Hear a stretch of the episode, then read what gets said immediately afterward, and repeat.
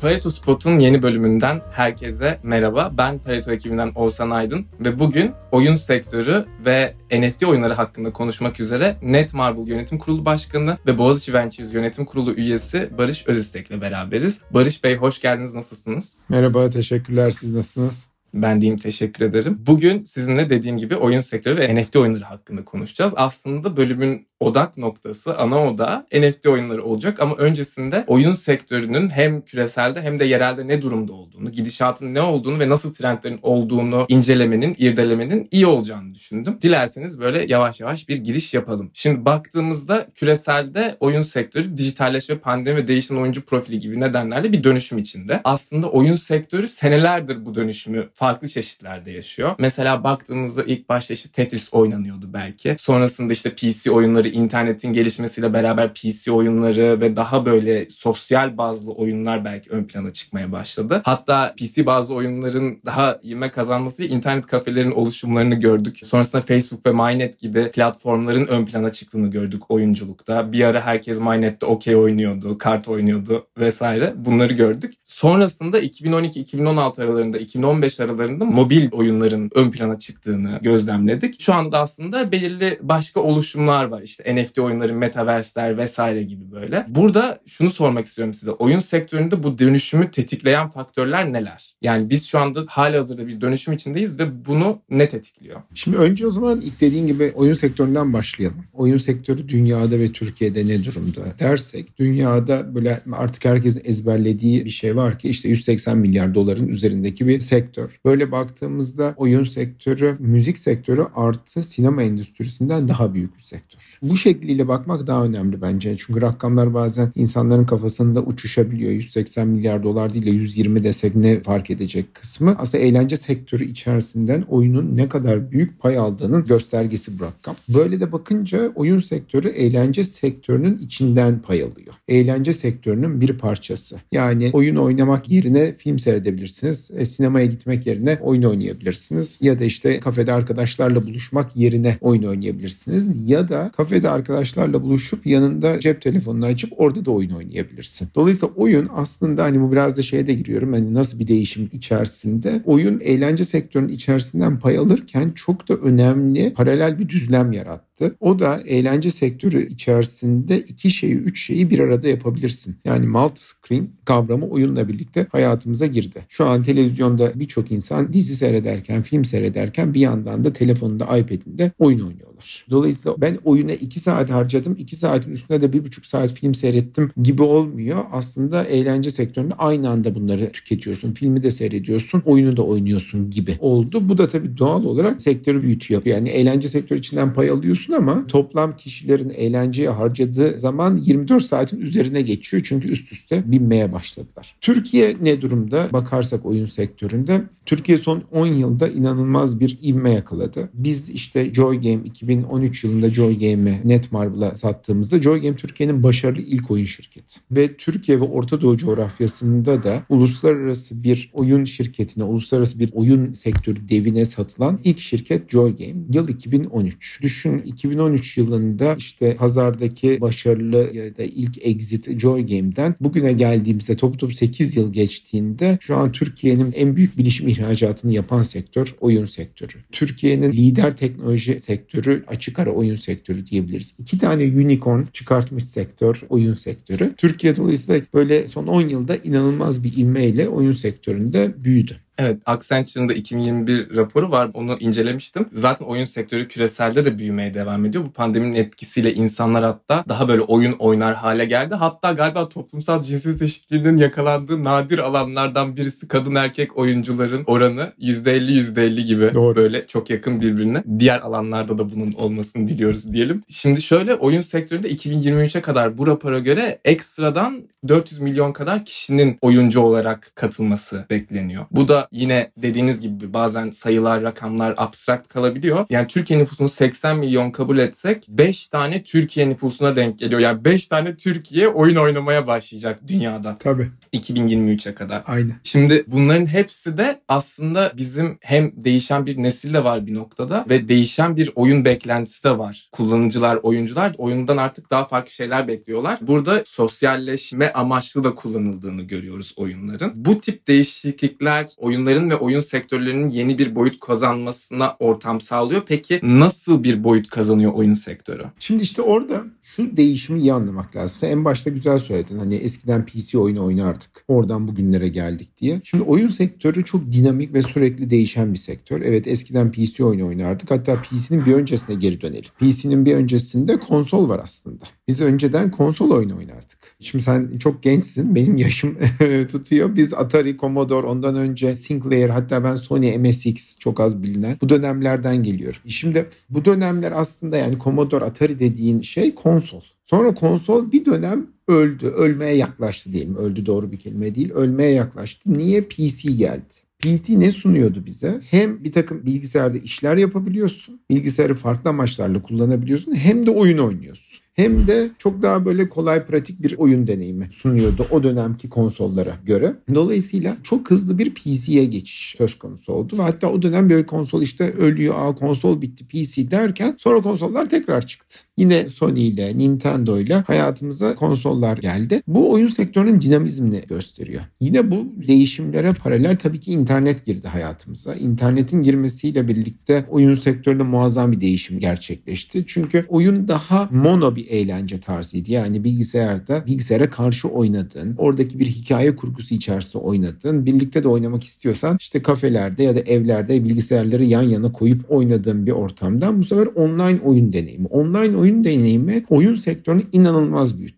Çünkü oyunda arkadaşlıklar kuruluyor. Oyun çok keyifli ve iyi bir ortam sebep veriyor arkadaşlıkların kurulması, birlikte hareket etmek ya da rekabet etmek için. Ve online oyun deneyimiyle birlikte işte İstanbul'daki biriyle Trabzon'daki biri beraber aynı takımda, aynı klanda oyun oynayabilir oldu. Hatta Amerika'daki biriyle Japonya'daki biri oyun oynayabilir oldu. Birlikte hareket edebilir oldu. Bu oyun sektörünü müthiş büyüttü. Sonrasında free to play oyunlar geliyor. Yani free to play dediğimiz oyunu oynamak için bir para ödemiyorsun. Her şey bedava bedava ama oyun içerisinde tamamen isteğe bağlı olarak para harcayabileceğin yerler var. Yani sanal ekipmanlar. Sanal ekipmanlar yani işte kılıç alabilirsin, bir oyunda matkap ucu alabilirsin, işte bir oyunda şapka alırsın, binek alırsın, karakter alırsın. Bu bu arada bunun yaratıcısı Netmarble. 2000 yılında dünyadaki ilk free to play oyunu yayınlayan şirket Netmarble. Bu oyun sektöründe inanılmaz bir büyüme kaydetti ve şöyle şunu da hatırlatayım 2000 yılında ilk free to play oyun yayınlandığında sektör çok eleştiriyor. Diyor ki biz diyor dünya para harcıyoruz bu büyük prodüksiyonları yapabilmek için bu içerikleri bedava mı vereceksiniz diyor. Şu an geldiğimizde ise sektörün çok büyük çoğunluğu free to play oyunlardan oluşuyor. Yani bu 180 milyar doların çok büyük bölümü tamamen oyun içi yapılan harcamalardan. Oyunu bedava oyna, oyun içerisinde istersen harca iş modelinden, bu sanal ekipman iş modelinden oluşuyor. Dolayısıyla bu dalgayla birlikte oyun sektörü bir daha büyüdü. Büyük kitlelere yayıldı. Çünkü ve çeşitliliğe yayıldı. Yani oyun para verip oyunu oynamak bir bariyerdi. Ben para verdim bir oyun oynadım ha ikinciye vereyim mi üçüncüye de para vereyim mi den yüzlerce oyun oyna kafasına döndü sektör. Burada da şöyle güzel bir rekabet başladı. Oyunlar bedava, içerikler bedava ama içerisinde evet harcama var dediğimiz zaman oyun sektörü çok büyük bir rekabet. Daha iyi oyunu, daha da iyi oyun, daha keyifli oyun, daha geniş içerikli oyun üretim gibi bir telaşa kapıldı. Çünkü yüzlerce oyunlar rekabet ediyorsun. Oyuncu artık burada karar verici. Beğendiği oyunu oynar. Beğenmediği zaman da bırakır hop ikinciye geçer. Bedava yani ikinciye, üçüncüye, beşinciye geçmek. Bu sektörde çok önemli bir değişim. Bu arada bu sadece oyun değil. Teknoloji dünyasında da müthiş bir mind shift yarattı. Oyun sektöründen öğrenilen çünkü milyarlar oynuyor, milyarlar deneyimliyor. Milyarlar bunu deneyimlediği zaman bütün sektörlere bu yansıyor. Sonrasında mobil geliyor. Mobil işte 2012-2013. Bu da Türkiye'nin en önemli Türkiye'yi etkileyen noktadır. Çünkü Türkiye bütün şimdi bir sürü shift saydım aslında ben. işte free to play'e geçiş, konsoldan PC'ye, PC'den konsola geçişle. Mobil shift'te Türkiye ekosistemi çok iyi ve çok zamanında yakaladı. Kritik nokta burası. Neden mobil oyun büyüdü? Çünkü 2012 hatta 2011-2013 döneminde dünyada çok hızlı artan bir mobil akıllı telefon penetrasyon oranı görüyoruz. Şimdi o dönemden önce bu feature phone denen eski telefonlardaki çok basit mobil oyunlar kimsenin dikkate almadığı çok ufacık bir sektördü.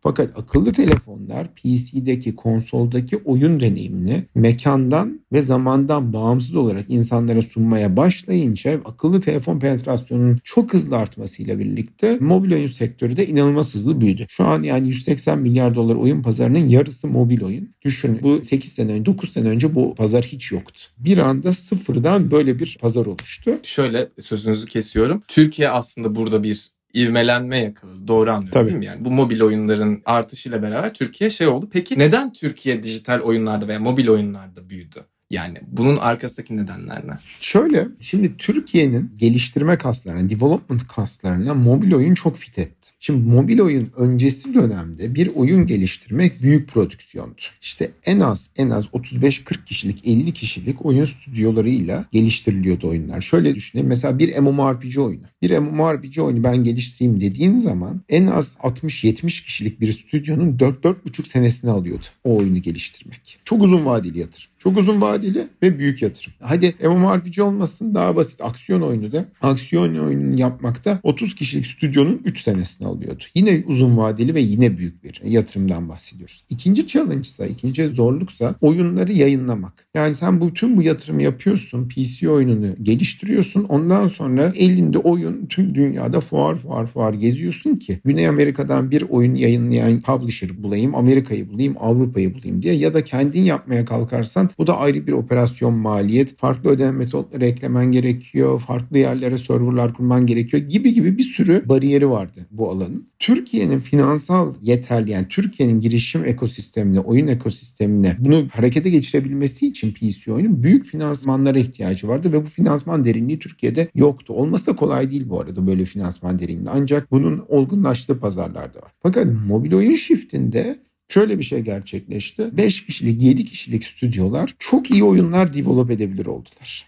Üstüne oyunu Apple ya da Google uygulama pazarlarına koyuyorsun. 150 ülkede oyun yayında. Biraz önce saydığım iki bariyer de ortadan kalktı. Bir, kısa dönemde iyi oyun yapabiliyorsun mobilde. 4 yıllık uzun vadeli projeye değil 3 aylık, 6 aylık, 8 aylık şeylere ihtiyaç var ve daha küçük ekiplerle yapabiliyorsun. Dolayısıyla büyük finansmanlarla büyük prodüksiyonları yapan oyun firmaları ile bir anda Türkiye rekabet edebilir oldu. Bir de şunu da bir, biz bir, iyi bir girişimci ekosistemiz aslında. Şunu iyi yakalıyoruz. Bir shift olduğu zaman burada fırsat var deyip oraya atlamayı biliyoruz. Ama bazen büyükler o kadar da çevik olamıyorlar. Orada büyük bir fırsatı herkes göremiyor ve bu da yaşandı işte o 2012-13 döneminde. Bir sürü büyük oyun firması mobile girmek konusunda çok çekimser kaldı. O sırada da sıfırdan kurulup yürüyenler, büyüyenler çok oldu. Yani sözün özü Türkiye'nin development kaslarına daha kısa dönemli hem finansman anlamında hem de hızlı sonuç görmek anlamında development yetkinliklerine çok örtüştü mobil oyun. Hem de hızlı büyüyen pazarda fırsat penceresi açtı. Doğru. Fırsat penceresine de giren birçok startup oldu. Bu saydığınız nedenlerden dolayı da biz Peak Games'i tanıyor olduk aslında. Evet. Çeşitli yatırımlar geliyor oldu. Herkesin şu anda dinleyicilerin de eminim yani duymayanı yoktur böyle bu son gelişmeleri vesaire. Şimdi kısa vadeli aslında projelerden bahsettik. Burada ben bu oyun sektörünün hem arkadaşlarımla da konuştum birazcık hem de kendim de araştırdım. Bu kısa vadeli projelerin aslında özellikle genç çalışanlara yönelik bir sorun olduğu yönünde bir düşüncem var. Bunun da nedeni şimdi şöyle bu büyüyen bir ekosistem haliyle birçok yatırım alıyor ve bu da aslında tırnak içinde Amerikan rüyası yani bir Türk genci için. Çünkü ne oluyor? Hızlı büyüyen bir şirkete girerse kendisine yer edinebilir. Belki hit olan bir oyunu çıkarmakta rol alabilir. Bu da aslında hayatını kurtaracak. Ondan dolayı da genç istihdam buraya doğru yöneliyor ve burada da bu casual game'lerde, metroda işte arkadaşlarınızla otururken oynadığınız böyle gündelik oyunlarda da bu oyunları çıkaran takımların haftada en az bir tane oyun çıkarma gibi hedefleri olduğunu falan da hem okudum hem de arkadaşlarımdan da duydum. Bu da Bahçeşehir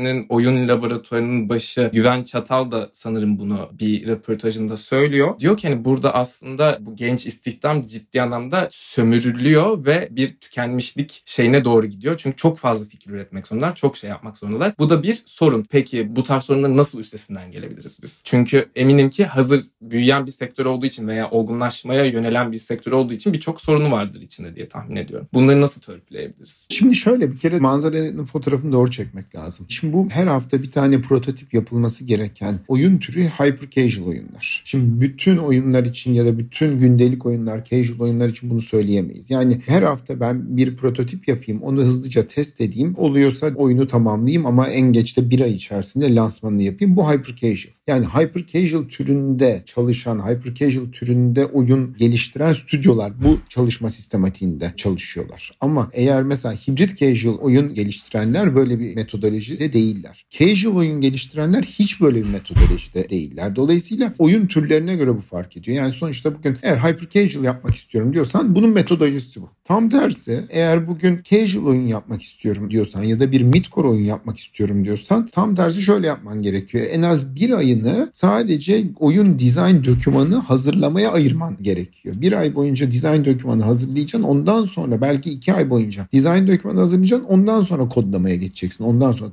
tasarıma geçeceksin. Gibi farklı metodolojiler var. Dolayısıyla ben bunu bir sorun olarak adlandırmam. Sektörün dikeyleri var. Bu dikeylerde kim nerede çalışmak istiyorsa oraya yönelir. Kim nereye yatırım buluyorsa oraya yönelir. Mesela biz Boğaziçi Ventures olarak ağırlıklı hyper çok fazla yatırım yapmıyoruz. Hyper casual daha böyle oyun publisher'larıyla stüdyoların sinerji içinde çalıştıkları bir ekosistem olarak görüyoruz. Biz daha çok kendi hedefleri büyük. Ben oyunumu geliştireceğim, kendim yayınlayacağım. İşte milyar dolarlık firma olacağım hayalleri olan girişimlere yatırım yapıyoruz. Ama bir taraftan publisher'lara baktığımızda da publisher'lar da çok güçlüler ve aslında publisher'lar da ekosistemi çok destekliyorlar. Yani bütün bu küçük oyun stüdyoları aslında publisher'lardan aldıkları gelirler sayesinde bütün bu oyunları geliştirme fırsatlarına sahip oluyorlar. Dolayısıyla da bir de böyle bir gerçek var. Publisher'lar olmasa, publisher'lar bu kaynakları aktarıyor olmasa yüzlerce oyun stüdyosunun doğması çok daha zor olacak. Yani yüzlerce oyun stüdyosunun yatırım alması çok daha zor olur. Ama yüzlerce oyun stüdyosu publisher'ların kaynakları sayesinde ekiplerini kuruyorlar, oyun geliştiriyorlar. Sonrasında ben daha da büyüyeceğim, publisher'dan kopacağım diyor. Geliyor Boğaziçi Ventures ya da başkalarından yatırım alıyor. Böyle büyüyen piramit gibi yukarıya doğru çıkan bir ekosistem. Bence şu an ekosistemdeki hani en büyük problem ne dersek bence en büyük problem eleman kaynağı. Asıl sıkıntı burada. Yani şu an Türkiye'de bine yakın oyun stüdyosu var. Belki geçmiştir bile bugün bine. Bin tane oyun şirketi bunların da ortalama 10 kişi çalıştığını kabul edelim yapar 10 bin kişi. 20 kişi çalışsa 20 bin kişi şu an oyun sektöründe istihdam ediliyor ve oyun üretiyorlar. Ve ben şöyle söyleyeyim bu oyun stüdyoları 20 değil 50 kişi çalışırsa sadece ortalama 50 kişi. 50 kişi böyle çok devasa bir oyun şirketinden bahsetmiyoruz. Ama 50 kişilik 40 kişilik oyun şirketleri, oyun stüdyoları anlamlı rakamlar olabilir. Nereden bulacağız bu eleman kaynağını? Ya 40 çarpı 10 bin 40 bin eşittir. En az 20-25 bin kişilik ek istihdamdan bahsediyorum. Hangi 25 bin developer, game designer, art director gibi pozisyonların Bir de liyakatli olacak. Tabii aynen öyle. Bunları nasıl bu sektör işe alacak? İşte asıl problemimiz bence burada. Sektörün problemi burada. Dolayısıyla bence sektörün de, devletin de, üniversitelerin de, eğitim kurumlarında bu sektörün yani bu kadar gümbür gümbür büyüyen, yatırım alan, finansal kaynaklara ulaşan, bütün dünyanın ilgisini çekmiş bu sektörü asıl nitelikli eleman kaynağıyla nasıl besleyeceğiz? Bence en büyük problem burası. Bunu konuşmak lazım. Doğru. Yani bir de sonuçta sürdürülebilir bir şey için o istihdamın da kaliteli olması gerekiyor nihayetinde. Tabii. Doğru diyorsunuz. Şimdi yavaş yavaş isterseniz NFT tarafına geçelim. Siz de aslında bu konuda aktif olarak bir şeyler yapıyorsunuz. Matrak diye bir oyun sanırım bunda rol aldınız. Bunun oluşumunda. Şimdi her şeyden önce NFT'leri biz çok sık duyuyoruz. Son dönemde özellikle son birkaç ayda ama bunu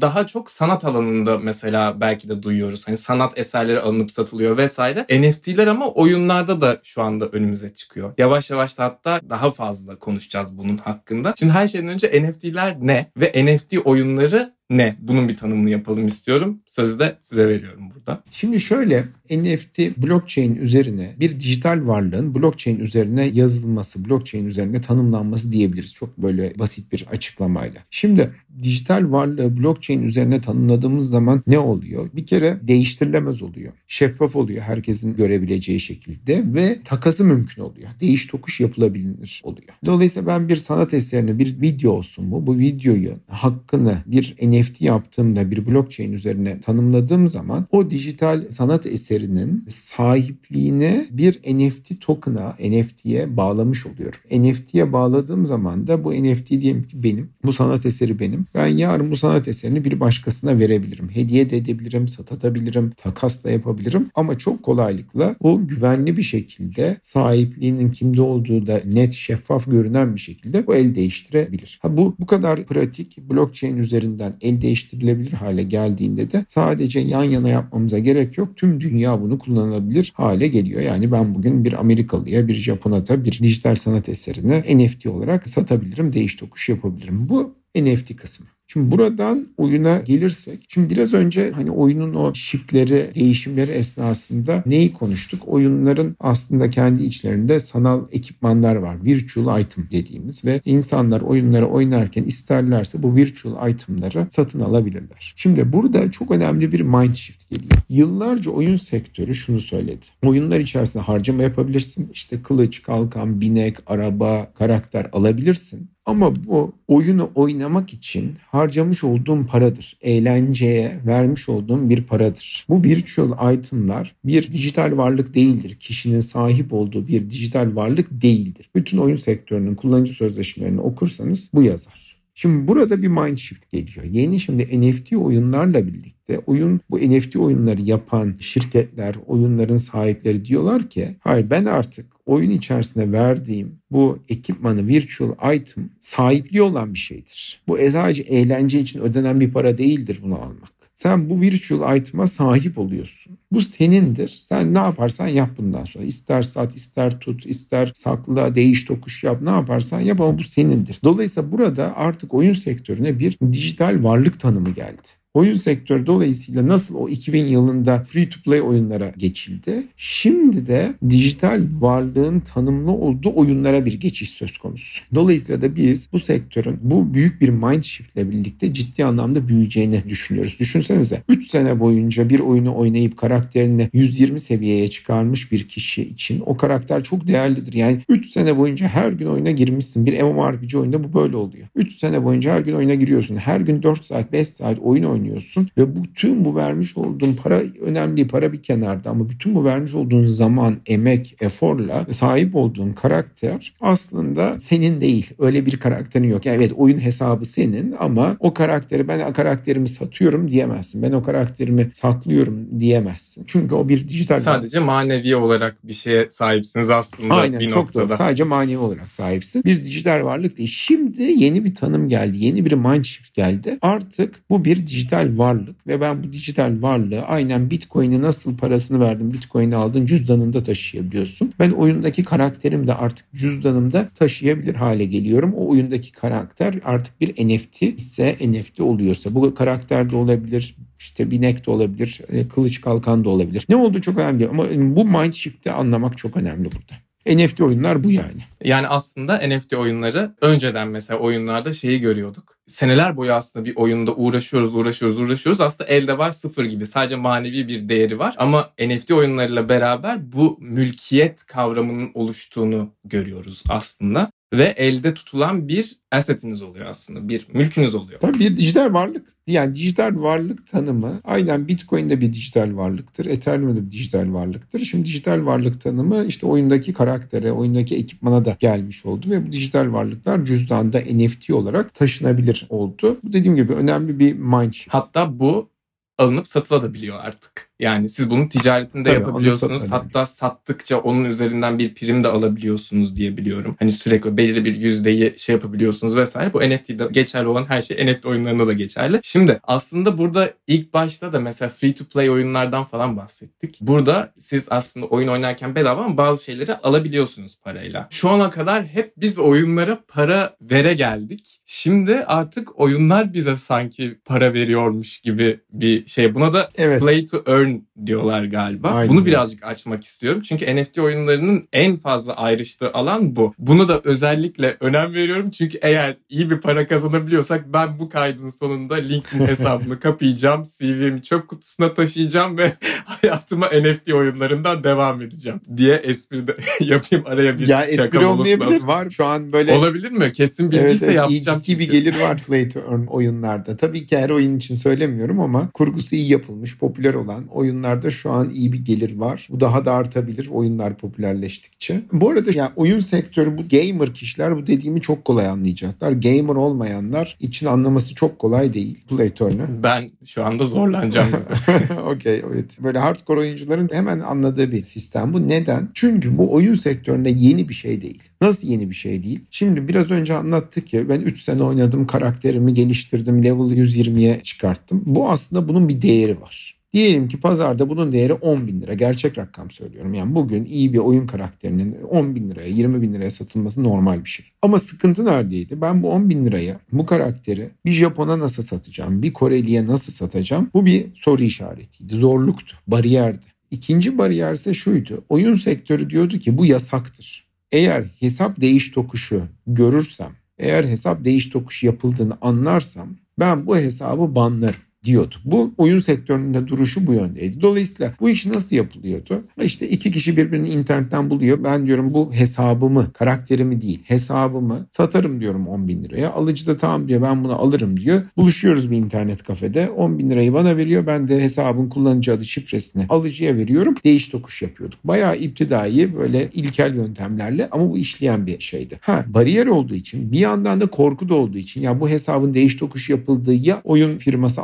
anlarsa ve ben 10 bin lira verdiğim hesap banlanırsa bir de böyle bir çekince olduğu için dolayısıyla bu ticaret çok az yapılıyordu. Limitle yapılıyordu. Zor yapılıyordu. Şimdi NFT ile birlikte bu hem resmilik kazandı. Çünkü oyun sektörü diyor ki evet diyor zaten ben kabul ediyorum artık diyor dijital varlık olduğunu bunun istediğin gibi ticaretini yap diyor. İkincisi de kolaylaştı. Çünkü blockchain üstünde işte Ethereum'u gönderiyorsun kontrata. Sana NFT geldiği zaman karşı tarafı da Ethereum diyor. Çok basit. Zaten smart kontratlar da var. Aynen Hiçbir smart şey kontrat yapabilirsin, marketplace'ler üzerinden yapabilirsin. Çok temiz bir hal aldı konu. Onun kullanıcı adı, şifresi falan gibi dertler ortadan kalktı. Ben cüzdanıma karakteri aldım, bitti. Oyun artık cüzdanda o karakteri görüyorsa bana o karakteri oyun içerisinde veriyor şeklinde çalışıyor. Dolayısıyla oyun sektöründe olan bir şey. Yani olmayan yepyeni bir kavram aslında gelmedi. Play to earn zaten vardı. Yani play to earn yıllardır işte Çinliler, Filipinliler oyunlarda farmlamak deriz biz buna. Yani oyunlarda 5 tane bilgisayar açar, 5 tane bilgisayarda karakteri sürekli yaratık keser. Yaratıktan milyonda bir ihtimalle çok değerli bir item düşer. O item'ı da satar ve para kazanır. İşte bu zaten yıllardır olan bir şeydi. Dolayısıyla hardcore oyuncuların bildiği bir gerçek bu. Kayıt dışı mıydı? Yani kayıt dışı Tabii. ekonomiden şimdi kayıt Tabii, tabii, aynen. Çok- ekonomiye evet. geçiyoruz aslında. Aynen kayıt dışı ekonomiden kayıt içi ekonomiye geçiyoruz. Bu gerçek vardı zaten. Dolayısıyla play to earn kavramı zaten vardı. Yani play to earn kavramı zaten var derken play to earn yani kazanmak için oyna bu olan bir şeydi. Zordu ama buna işte böyle dedike olmuş çok vakit harcayan insanlar böyle yapıp yapıp yapıp yani tabiriyle farmlayarak bir para kazanıyorlardı. Şimdi bu yapılan işe bir anlam yüklendi play to earn. Teknolojik olarak NFT ile bu çözüldü. Dolayısıyla öne açıldı. O yüzden oyun sektöründe blockchain'in çok iyi bir use case. Blockchain'in çok iyi bir kullanım alanı çünkü zaten var olan ve güven problemi hep ne diyoruz blockchain için güven problemi olan yerlerde gerekli diye zaten var olan milyonlarca insanın yaptığı işi blockchain'e taşıyarak güven problemini çözdü ve şimdi milyarlara ulaştırma milyarlara taşıma şansına sahip NFT oyunlar. O yüzden bu hani şimdi tabii eskiden çok daha zor olan bariyeri olan bu play to earn mekanizması NFT ile birlikte çok daha kolay yayılma fırsatına sahip. Şimdi de yeni oyun şirketleri yeni oyunlar buna kafa yoruyorlar. Yani dizaynlarını buna göre yapıyorlar. Eskiden oyun şirketi oyuncular para kazansın diye oyun dizayn etmezdi. Şimdi ise oyun şirketleri oyuncular para kazansın. Yani oyun ekonomisini oyuncuların oynayarak para kazanacağı şekilde yapıyor. Burada oyun şirketi yine para kazanıyor. Oyun şirketi de para kazanması lazım zaten bunu ayakta tutabilmek için ama bu sefer oyuncunun öyle bir ekonomi dizayn ediyor ki oyuncunun bu para kazanma motivasyonuna göre ekonomiyi ve oyun tasarımını yapıyor ki herkes kazansın. Aslında 2017'de CryptoKitties adında galiba bir NFT koleksiyon oyunu çıkmış. Ama yani 2017'lerde falan aslında bu denenmiş NFT'lerin evet oyuna entegrasyon ama çok da başarılı olmamış. Hatta bu mobil oyunlara karşı dedik ya siz dediniz hani bir eleştiri geldi yani kim bunu oynayacak falan diye böyle bir şey oldu. Aynı şey burada da Aynen. gerçekleşmiş. Ama şu anda 2021'deyiz. Aradan 4 yıl geçmiş. Şu anda NFT oyunların patlamasını konuşuyoruz. Bunun evet. arkasındaki neden ne? Şimdi şöyle sektörde olan bir şey. Bu bazen fazla yani teknoloji dünyasında fazla erken girdiğin zaman bir vizyon açıyorsun ama fazla erken girenler parayı batırıp çıkıyorlar. Yani onlar aslında vizyonu açanlar. Bu yolu İşin cefasını çekenler. Evet. onlar Tabii, sefasını çeken. Aynen. Yani yolu açanlar onlar. Hani taşları kıran onlar. Ama onlar işi buraya taşıyamadı. Başkaları taşıdı öyle söyleyeyim. Yani ben işte o 2017 döneminde hiç unutmuyorum Almanya'da bir e, blockchain gaming etkinliğine gitmiştim. Ve çok böyle heyecanlanarak gitmiştim. Acaba neler göreceğim, ne edeceğim diye. Büyük bir sükûtu hayaldi benim için. Böyle iki günlük blockchain gaming etkinliği çok böyle kötü oyunlar, dandik oyunlar, sırf blockchain üstünde olsun diye yapılmış şeyler. Ama aslında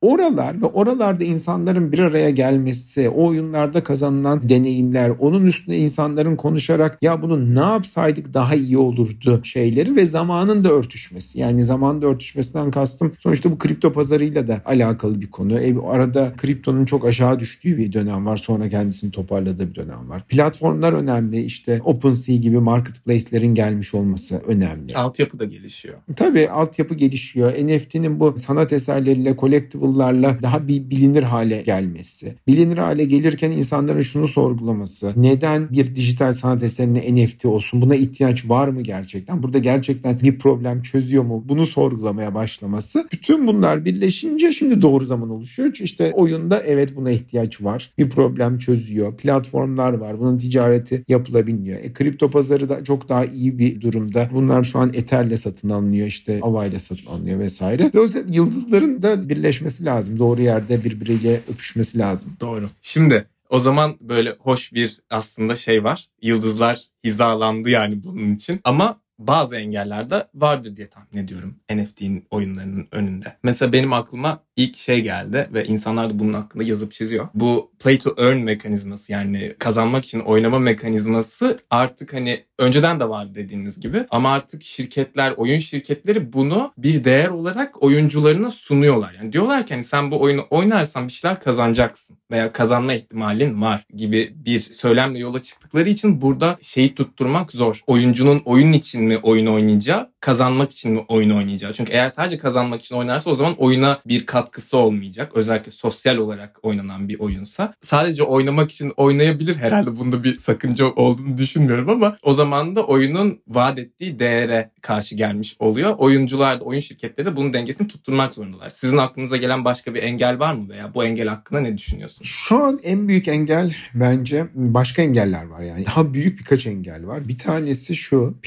platformlar şu an NFT oyunlara karşı soğuklar. Çünkü olaya şöyle bakıyorlar. Alternatif bir ödeme metodu olarak bakıyorlar. İşte Apple'ın meşhur Epic'le olan savaşı var. Oyuna Apple ödeme metodu dışında başka bir ödeme metodu entegre edilmemesi için. Apple da kendine göre haklı bu arada burada. Google da kendine göre haklı. Bir platform sunuyor. Bunun için maliyetler yapıyor. Ona göre de bir yüzde alıyor. Şimdi NFT dediğimiz zaman NFT şu anlama geliyor. NFT'leri Ethereum'la satın almak mümkün. Yani aslında bir açıdan bakınca bu bir alternatif ödeme metodu. Dolayısıyla NFT oyunların mobil uygulama pazarlarında yer bulmasında sorunlar var. Yer bulurken nasıl bulacak, nasıl bir dizaynla bulacak sorunları var. Dolayısıyla bence en büyük bariyerlerden biri şu an bu. O yüzden en bu NFT oyunların çoğu şu an PC'de, webde. Ama aslında büyüyen pazar mobil. Milyarlara ulaşan pazar mobil. Dolayısıyla birinci büyük bariyer bence mobil ve mobilde NFT oyunların nasıl olacağı, nasıl şekilleneceği konusunun çözülmesi gerekiyor. Şimdi önümüzde o çözülecek. PC tarafında da işte en büyük platformlardan biri Steam. Son dönemde içine çıkarıyorum dedi NFT oyunları. Kabul etmiyorum dedi. Tersi Epic kendi store'unda da ben dedi kabul ediyorum dedi. Şimdi böyle bir savaş var. Yani kısacası platformlarda bir sıkıntı var. Bu platform sıkıntısının çözülmesi lazım. İkincisi de şu an NFT oyunları çok daha fazla yani büyük çoğunlukla kripto kitlesi tarafından oynanıyor. Kripto alan, kripto tutan kişiler tarafından oynanıyor. Bence bu da bir bariyer yaratıyor. Çünkü biz oyun dediğimiz zaman milyarlarca insandan bahsediyoruz. Milyarlarca insan her gün oyun oynuyor. Kriptoda bu kadar büyük bir kitleden bahsetmiyoruz aslında. Bir de hani kriptoya karşı da bir şey de var. Hani skeptisizm de var. Tabii kripto, Yalan yok. Aynen kripto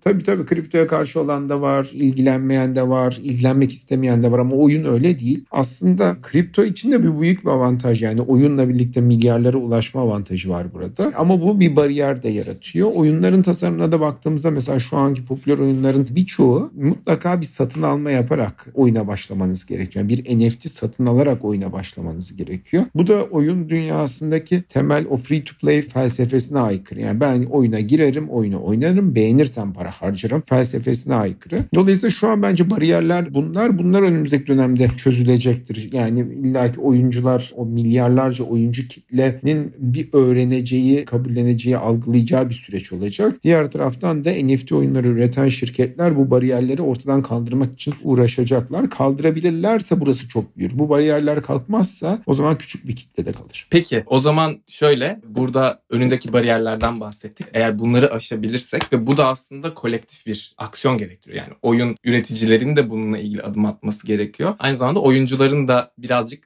tercihlerini değiştirmesi gerekiyor olabilir. Peki NFT oyunlarını da hesaba katarsak oyun sektörü nasıl şekillenecek? Yani oyun sektörünün geleceği nasıl olacak? Benim en sevdiğim kısım bu çünkü daha böyle gelecekle ilgili hayal etmek nasıl olacak, ne olabilir falan diye düşündüğümüz bölüm burası. Ondan dolayı sizin de fikirlerinizi merak ediyorum. Şöyle biz bir kere finansal taraftan başlayalım. Boğaziçi Ventures olarak biz görüşümüz, paylaştığımız kendi analizimiz, raporumuz şunu söylüyor. 2025 itibariyle oyun sektörü 350 milyar dolar civarı büyüklüğe ulaşacak. Bu pure, saf oyun sektöründen bahsediyorum. Oyunun bir de etkilediği diğer alanlar var. Yani oyun sayesinde satılan mobil telefonlardan data hatlarına tutun. işte ekipmanlara, bilgisayarlara oyun tabii çok daha geniş bir alanı etki ediyor ama sadece oyun, saf oyun geliri olarak 350 milyar dolar gibi beklentimiz var. Biz bu beklentimizde NFT gaming popüler olmadan analiz edip açıklamıştık ve buradaki dayandığımız noktada oyun sektörünün belli dönemlerde hep bir dinamik olduğu, yenilikler geldiği, shiftler geldiği ve önümüzdeki 5 yılda da bunun geleceğini öngörerek biz 350 milyar dolar dedik. Yani standart oyun sektörü zaten senede %12-13 büyüyor ama standart büyümesinin dışında büyüyeceğini forecast ettik. NFT gaming ile birlikte bu tahminimizin tutacağını düşünüyorum. Yani önümüzdeki o 4 senede oyun sektörü standart büyümesinin çok üzerinde exponential büyüyor olacak. Bu da şu anlama geliyor. NFT gaming sektörden bir pay almayacak.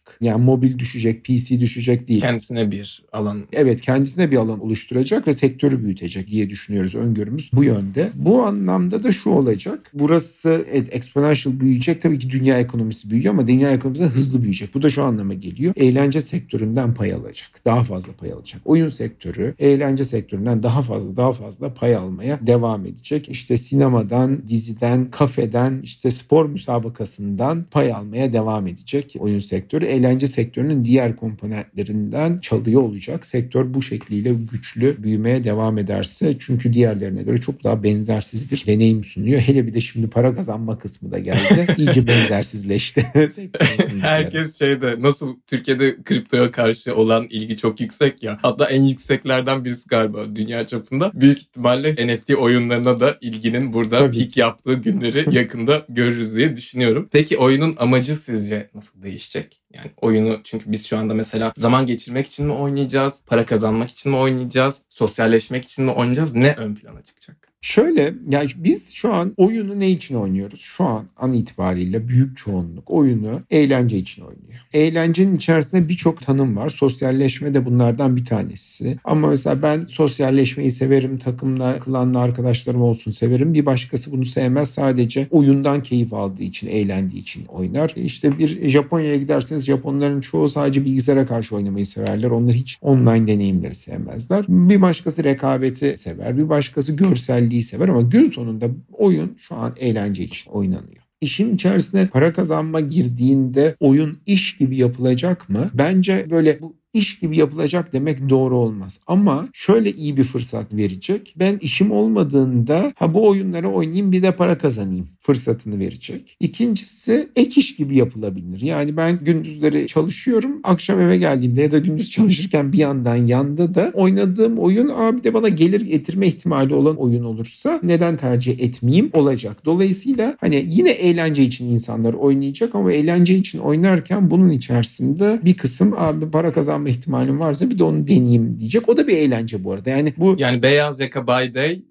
Gamer by Night gibi böyle. Evet, evet doğru. Ay. Ya bu arada şeyde de var bu. Mesela sermaye piyasalarında yani borsada hisse senedi alıp satanların da bir kısmı bunu eğlence gibi yapıyorlar. Yani orada işte bin lira koyuyor, iki bin lira yapmaya çalışıyor ama sohbetine muhabbetine çok daha fazla vakit ayırıyor. 20 saat bunun sohbetini muhabbetini yapıyor. Koyduğu parayla aslında hiç alakalı bir vakit harcamıyor. Bu bir gerçek. Ve maçta seyredersin, 2 saat maç seyredersin, hafta içinde 10 saat sohbetini yaparsın. Şimdi burada da böyle bir şey var oyun sektörü sektöründe de yani oyunu özellikle play turn oyunlarda oyunu oynadığından belki 5 kat süreyi bunun sohbetine harcıyorsun. İşte o da zaten şeyi getiriyor yani eğlenceyi yine getiriyor. Çünkü 2 saat oyun oynadığında 10 saat arkadaşlarla onun sohbetini geyin yaptıysan aslında sen 12 saat eğlendin anlamında. Geliyor oyun bunu sağlıyor. Yani oyun eğlencenin farklı komponentlerini drive ediyor. Oyunun en büyük gücü zaten bu. İşte gidiyorsun sonra o oyunu en iyi oynayanın videosunu YouTube'dan seyrediyorsun. Bu da eğlence yani. Eğleniyorsun bunu yaparken. Vay be diyorsun nasıl iyi oynamış. Orada bu hareketi yapmış. Dur ben de deneyeyim diyorsun. Yapamıyorsun. Bunların hepsi bir eğlence. Hepimiz halı sahada iyi top oynamıyoruz yani. Birilerini seyrediyoruz. Onlara gibi o topa vurmaya çalışıyoruz. %99 o topu öyle vuramıyor yani. Bu böyle. Ben %100 vuramıyorum. Bir de üzerine de para verince oyunun yeme de yanında yat gibi bir Aynen. şey oluyor. Bakalım göreceğiz yani nasıl bir oyun sektörü bizi bekliyor. Nasıl bir oyun deneyimi bizi bekliyor. Eklemek istediğiniz başka bir şey var mı? Yani son olarak şunu söyleyebilirim. Bu şimdi oyun sektörü, oyun geliştirmek daha doğrusu multidisipliner bir iş. Böyle bazen bilişim diye düşünülüyor. Tabii ki bilişim sektörünün içinde bir taraftan ama sadece değil. Burası bir kreatif endüstri. Yani çok iyi yazılımcının da olması gerekiyor. Çok iyi network uzmanının yazarında, çok iyi game designer'ında, çok iyi sanat yönetmeninin de olması gerekiyor. Çok iyi metin yazarının da olması gerekiyor. Bunların bir tanesi kötü olursa harika yazılmış bir kodu kimse oynamıyor ne olur. Dolayısıyla çok multidisipliner bir iş. Oyun sektörüne girmek isteyenlerin bir kere bunun farkına varması lazım. Böyle ortaklıklar, böyle ekipler oluşturmaları lazım. Bir de şimdi bunun üstüne NFT gelince ayrı bir skill set daha, ayrı bir bilgi gerekliliği daha ortaya çıktı. Buna da paralel bizde Boğaziçi Ventures tarafında yeni bir oluşuma adım atıyoruz. Çok böyle yakında duyuruyor olacağız. Tamamen bu oyun stüdyolarını destekleyecek hem blockchain tarafında hem global community tarafında, NFT tarafında, oyun dizaynı tarafında, marketing tarafında, user acquisition yani kullanıcı kazanımı, global kullanıcı kazanımı tarafında destekleyecek çok senior merkezi bir yapı oluşturuyoruz. İnşallah çok yakında onu da duyurusunu yapacağız. Yani ama herkesin ihtiyacı olan ya da işte bilmesi gereken şey bu multidisipliner bir iş. Farklı yetkinlik yetkinliklerin bir araya geldiği zaman başarılı olan o yetkinlikler süperstarsa Total şirketin ekibinde çok müthiş başarılı olduğu bir alan bu sektör. Bakalım dediğim gibi gelecek yıllarda nasıl şekillenecek hep beraber göreceğiz. Paylaştığınız bilgiler için çok teşekkür ederim. Çok keyifli bir sohbet oldu. Benim çok ilgilendiğim bir alan değildi. Bunu size kayıt dışında da söyledim. Ama çok da fazla şey öğrendim aslında harika oldu gerçekten. Sağ olun diyorum katıldığınız için. Haftaya başka bir konuyla Pareto Spot'un yeni bölümünde görüşmek üzere. Kendinize iyi bakın.